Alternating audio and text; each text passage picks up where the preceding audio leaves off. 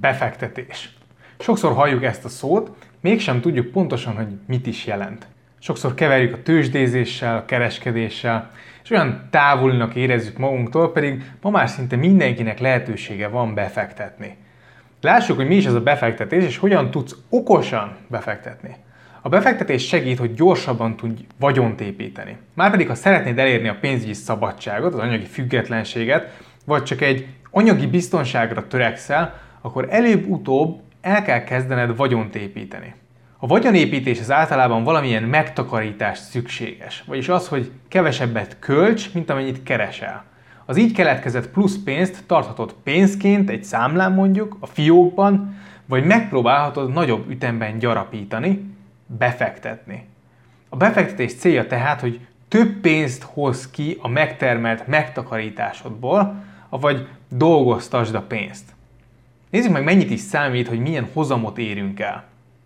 A cikkben találsz itt egy grafikont, ami 10.000 dollár befektetését mutatja 1987-től 2018-ig. Azok az emberek, akik 1987-ben amerikai részvényt vásároltak, a 10.000 dollárjukból 213 ezer dollárt csináltak, míg azok, akik bankbetétet választottak, mindössze 26 ezer dollárral büszkélkedhetnek ma.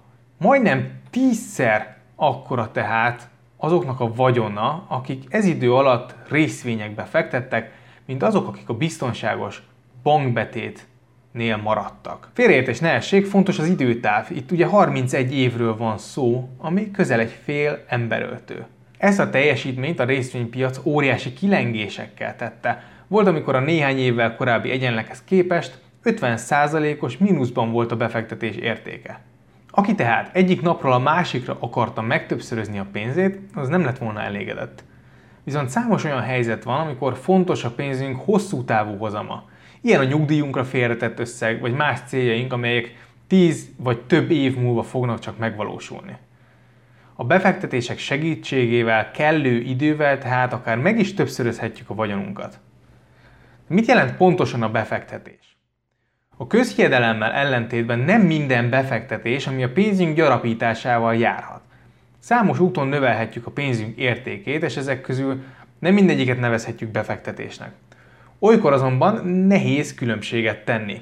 Nézzünk néhány példát. Befektetése például a műkincs vásárlása, az ingatlan bérbeadása, a saját vállalkozás, a rulett, a bélyeggyűjtés, a devizaváltás, a sportfogadás, a tőzsdézés, na és a befektetési arany vásárlása. Melyik befektetés és melyik nem?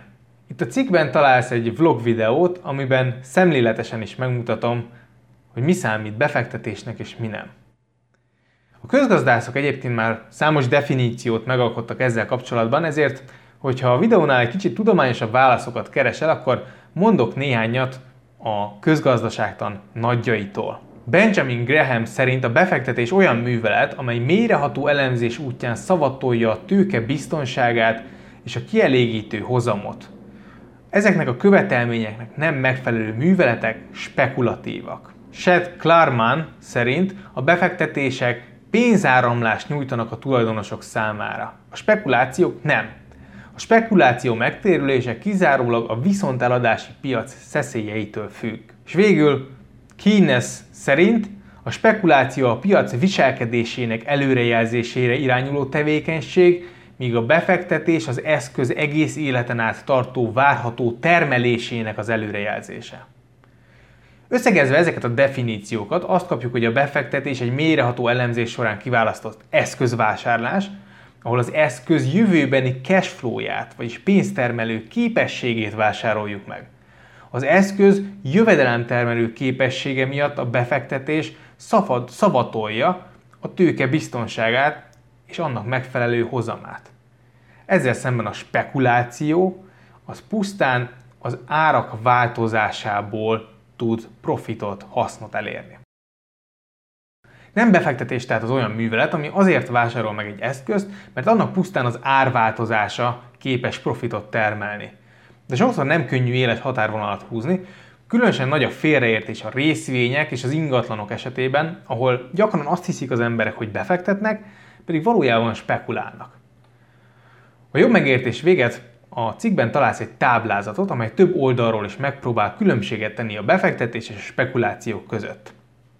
Nézzük meg ezt egy kicsit mélyebben. A döntés alapja például lehet egy különbség. A befektetésnél a döntés alapja egy mélyreható elemzés, a spekulációnál pedig hallomás, trendek vagy grafikonok, tehát múltbeli adatok elemzése. Szintén különbséget tettünk az időhorizont alapján. A befektetés hosszú távú, a spekuláció pedig rövid távú. Kockázat szerint a befektetés közepes, a spekuláció pedig magas. A nyereség alapja a befektetésnél az értékteremtés, a spekulációnál pedig az árváltozás. Használt tőke alapján is tudunk különbséget tenni, a befektetők jellemzően saját tőkéket fektetik be, míg a spekulánsok nagyon gyakran használnak kölcsönöket, hiteleket. Szintén a bevétel alapján is tehetünk különbséget, a befektetésnél egy stabil bevételre számíthatunk, míg a spekulációnál nagyon kiszámíthatatlan és ingadozó. A befektetők jellemző viselkedése megfontolt, konzervatív, míg a spekulánsok viselkedése általában vakmerő és agresszív. Ezekből is láthatod, hogy a befektetők hosszú távon gondolkodnak, értéket vesznek a pénzükért, amely profitot, pénzáramot termel. A spekulánsok főként a rövid távú árváltozásokra játszanak. Ez a piaci helyzetekre adott reakciójukra is hatással van. A befektető úgy tekint a piacra, mint egy webshopra ahol akció van, tehát alacsony az ár, ott vásárol. Vagyis ugyanazért az árért keresi a legjobb vételt. A spekulás viszont kaszinót lát a piacban.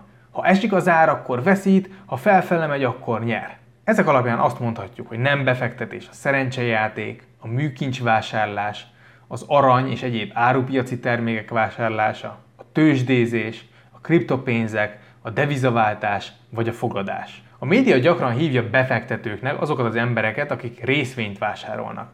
Pedig a részvényvásárlás sem feltétlenül befektetés. A rövid távú, múltbeli hozamok, technikai elemzések alapján végrehajtott részvényvásárlás pusztán spekuláció. Itt találsz a cikkben egy ábrát, amely megmutatja, hogy melyik befektetési eszközosztály, vagy melyik index milyen hozamokat hozott az adott évben, és miként teljesített a többi eszközosztályhoz viszonyítva. Ebből az ábrából jól látszik, hogy mennyire kiszámíthatatlan az eszközök ára rövid távon. Egyszer fent, másszor lent. Az ábrán különböző eszközöket évről évre láthatsz, hogy melyik milyen hozamot hozott, és egymáshoz viszonyítva ezek miként teljesítettek.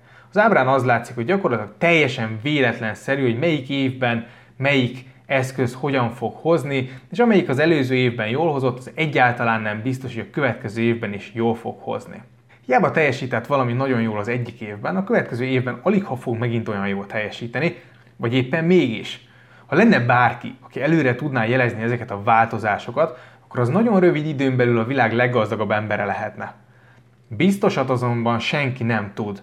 A felkapott guruk, elemzők és cikkek is csak találgatni tudnak. Hosszú távon viszont a befektetések összességében pozitív hozamot hoznak, hiszen értéket teremtenek, bevételt generálnak.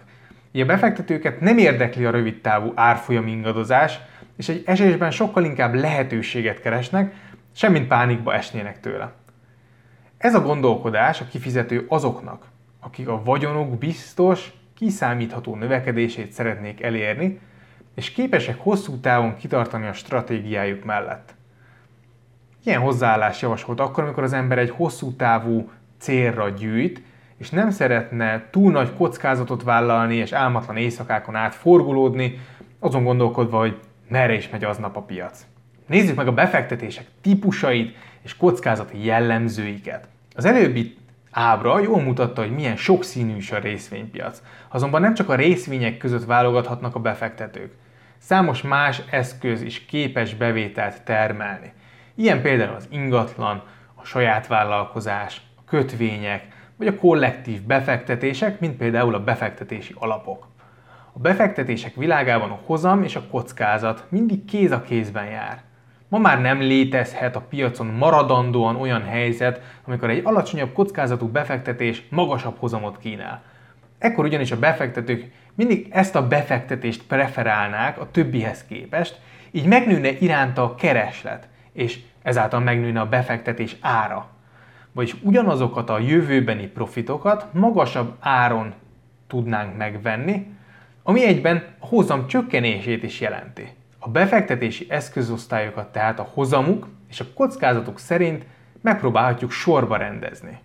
Ehhez is készítettem egy ábrát, amin azt látjuk, hogy balról jobbra haladva egyre nő a várható éves hozam, ugyanakkor nő a vállalt kockázat is, amit a tőke veszteségével tudunk jellemezni, vagy az árfolyam ingadozásával. A sorrend valahogy így néz ki. Pénzpiaci eszközök, államkötvények, vállalati kötvények, amerikai részvények, ingatlanok, nemzetközi részvények, és végül a saját vállalkozás. Természetesen ez nincs kőbevésve. Van olyan részvény, ami évtizedek óta stabilan fizeti a magas osztalékokat, és betonbiztosnak mondható, míg akadhat olyan vállalat, mely kötvénye rendkívül kockázatos, mert a cég a csőd szélén áll. Szintén találhatunk egy alacsony kockázatú belvárosi lakást áron alul, míg vehetünk egy kétes ügyleten keresztül egy vidéki felújítandó házat, mely megtérülése sokkal inkább kérdéses. Egy befektetés kockázatát két módon szokták kifejezni. Az árfolyam mozgás mértékével, volatilitásnak nevezünk, és a maximális eséssel, amin pedig a drawdown. Minél kockázatosabb egy eszköz, annál nagyobb az esés valószínűsége, valamint annak nagysága és időtartama. Minél kockázatosabb tehát egy eszköz, annál hosszabb befektetési időtáv mellett ajánlatos a vásárlása. Itt ismét láthatsz egy táblázatot, ami azt mutatja, hogy a múltbéli adatok alapján nagyjából milyen hozamra és kockázatra számíthatsz az egyes befektetések esetén. Ezek természetesen csak körülbelüli értékek, ennél lehet nagyobb a veszteséged, de a hozamod is. Az egyes eszközosztályok összehasonlítása valahogy így néz ki. Ha pénzpiaci eszközöknél maradunk, akkor az éves 2%-os hozam lehetséges nagyjából, de itt viszonylag minimális, szinte nulla közeli az ingadozás és a veszteség, ez bármilyen időtávon ajánlat lehet, bármilyen időtávra vásárolhatjuk, tehát akár pár hónapra is. Ezután jönnek az államkötvények, ahol ilyen 5%-os éves hozamot lehet elvárni hosszú távon, az ingadozás nagyjából 7% körüli, és a vesztességünk, a maximális vesztességünk az olyan 15%-os lehet. Itt is az ajánlott időtáv gyakorlatilag nullától, nulla évtől, tehát pár hónaptól terjedhet, attól függően, hogy milyen államkötvényt szeretnénk vásárolni. Ezután jönnek a vállalati kötvények, ahol egy kicsit magasabb, már ilyen 6%-os éves hozamot lehet elvárni, kicsit nagyobb, ilyen 10% körüli az ingadozás, és 20% körül lehet a veszteségünk. Ezeket inkább ilyen 3 év és a fölötti időtávnál érdemes vásárolni. Ezután jönnek az amerikai részvények, ahol az éves hozamunk nagyjából 8% lehet, az ingadozás az már jóval magasabb, ilyen 15% körüli, és a veszteségünk akár 50-51% is lehet, így az ajánlott időtáv az 7 év vagy annál több idő. Ezután jön az ingatlan, ahol egy, az éves hozam az ilyen 9% körül alakulhat, az ingadozásunk 20%-os, a veszteségünk pedig akár 68% is lehet, ezért az ajánlott időtáv is 10 év vagy annál több idő. Ezt követően jön a nemzetközi részvény, ahol az éves hozam olyan 10% körül lehet, az ingadozás olyan 17% körül van, a veszteség is ilyen 50-60% körül, és az ajánlott időtáv itt is 10 vagy annál több év. Ezt követően jön a saját vállalkozás, aminek az éves hozama az gyakorlatilag bármennyi lehet, attól függően, hogy mennyire jó a vállalkozásunk. Az ingadozás is lehet szinte bármekkora, a veszteségünk is ennek megfelelően akár 100%-os is lehet, és az ajánlott időtáv pedig ugye nagyon függ attól, hogy milyen a maga a vállalkozásunk, ezt így előre nem nagyon tudom megmondani, ezt mindenkinek magának kell eldöntenie. Minden vásárlás egyedi, de az eszközosztályok kockázati szintjével érdemes tisztában lennünk. A magasabb kockázat azt jelenti, hogy idéglenesen a tőkénk nagyobb részét is elveszíthetjük. A részvények vagy ingatlanok esetén ugye akár, ahogy néztük, ez 50-70 százalék is lehet rövid távon, még akkor is, hogyha egy ilyen diversifikált, jól megosztott portfóliót alakítunk ki. Hogyha egyedileg vásárolunk részvényeket vagy ingatlanokat, akkor akár teljes pénzünk is elveszhet, például a cég csődje esetén. Ezért fontos, hogy tisztában legyél a saját kockázatvállalási hajlandóságoddal, képességeiddel, és tanulj a befektetésekről, mielőtt nekivágsz. Nézzük, hogyan is lehet elkezdeni befektetni. Az első és legfontosabb, hogy észre kezd bele. Ne siessd el, legyél megfontolt. Kezd kicsiben, és fokozatosan fektes be. Ha már látod, hogy milyen érzés, amikor kockázatot vállalsz, akkor lehet egy kicsit nagyobb lépést tenni előre. Azon felül, hogy érdemes magadat képezni a befektetések témakörében, érdemes először megnézni, milyen mély is a víz, mielőtt fejest ugrasz. A befektetéshez tehát első körben megfelelő elméleti ismeretek szükségesek, csak ezek birtokában kerülheted el ugyanis a rossz döntéseket. Ha ezzel készen vagy, akkor át kell gondolnod a céljaidat, a jelenlegi élethelyzetedet, és kitalálni, milyen kockázatot vagy képes és hajlandó vállalni. Ez nagyban fog függni attól is, hogy milyen időtávban gondolkodsz. Ha már tudod, mit szeretnél, akkor a befektetés megvásárlása már rendszerint nem bonyolult. Ez a technikai részlet sokszor visszatartja az embereket, pedig valójában ez a legegyszerűbb része a befektetésnek. Ha értékpapírt, például részvényt vagy kötvényt, vagy befektetési alapot szeretnél venni, akkor egy sima értékpapír számlán keresztül gyakorlatilag bármikor vehetsz és eladhatsz bármit, ami neked tetszik. Nyilván az ingatlanok vásárlás ennél egy fokkal nehezebb, hiszen nincsen két egyforma ingatlan, így a vásárlásnál nagyon fontos a megfelelő piaci ismeret és összehasonlítás. A befektetői gondolkodás miatt ugyebár minden esetben mélyreható elemzésről és értékelésről beszélünk. Vagyis az, hogy most szerintem felfele mennek az ingatlanárak, az nem befektetés. Mindig érdemes portfólióban gondolkodni, vagyis ne, vegyél, ne tegyél fel minden befektetni való pénzt egyetlen részvényre, ingatlanra, kötvényre. A legjobb, ha legalább 50-60 különböző eszköz között tudod megosztani a vagyonodat. Ez csökkenti a kockázatodat, és javítja a kockázat hozam arányát a befektetésednek. A befektetés tehát nem egyenlő a tőzsdézéssel, a kereskedéssel, és nem kell eltalálnod, hogy merre megy majd az árfolyam a következő években ahhoz, hogy jó befektetővé válj. A befektetés sokkal inkább unalmas, semmint izgalmas. Olyan, mint nézni, ahogy nő a fű. Ez nem azt jelenti, hogy a befektetéssel ne lehetne pénzt veszíteni. Minél kockázatosabb befektetést választasz, és minél rövidebb távra, annál valószínűbb, hogy megégeted magad. Ezért fontos, hogy tudd, milyen pénzügyi céljaid vannak, és azokat milyen határidővel akarod elérni. Ekkor ugyanis megvan az alapod ahhoz, hogy felállíts egy befektetési stratégiát.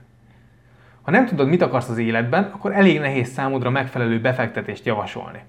Akinek bármikor kellhet a pénz, jobb, ha a biztos befektetésnél marad, és inkább lemond a hozamokról. Nem lehet tehát egyértelmű kérdést adni egyetlen cikkben sem arra a kérdésre, hogy mi a legjobb befektetés, hiszen mindenkinek más és más lesz a megoldás. Viszont remélem ez az összefoglaló segít elindulni a sikeres befektetővé válásod útján. Ha szeretnél hozzászólni, kiegészíteni, esetleg kérdésed van, akkor szívesen látom a cikk alatt a kommentedet. Köszönöm szépen, hogy meghallgattál, további szép napot kívánok, szia!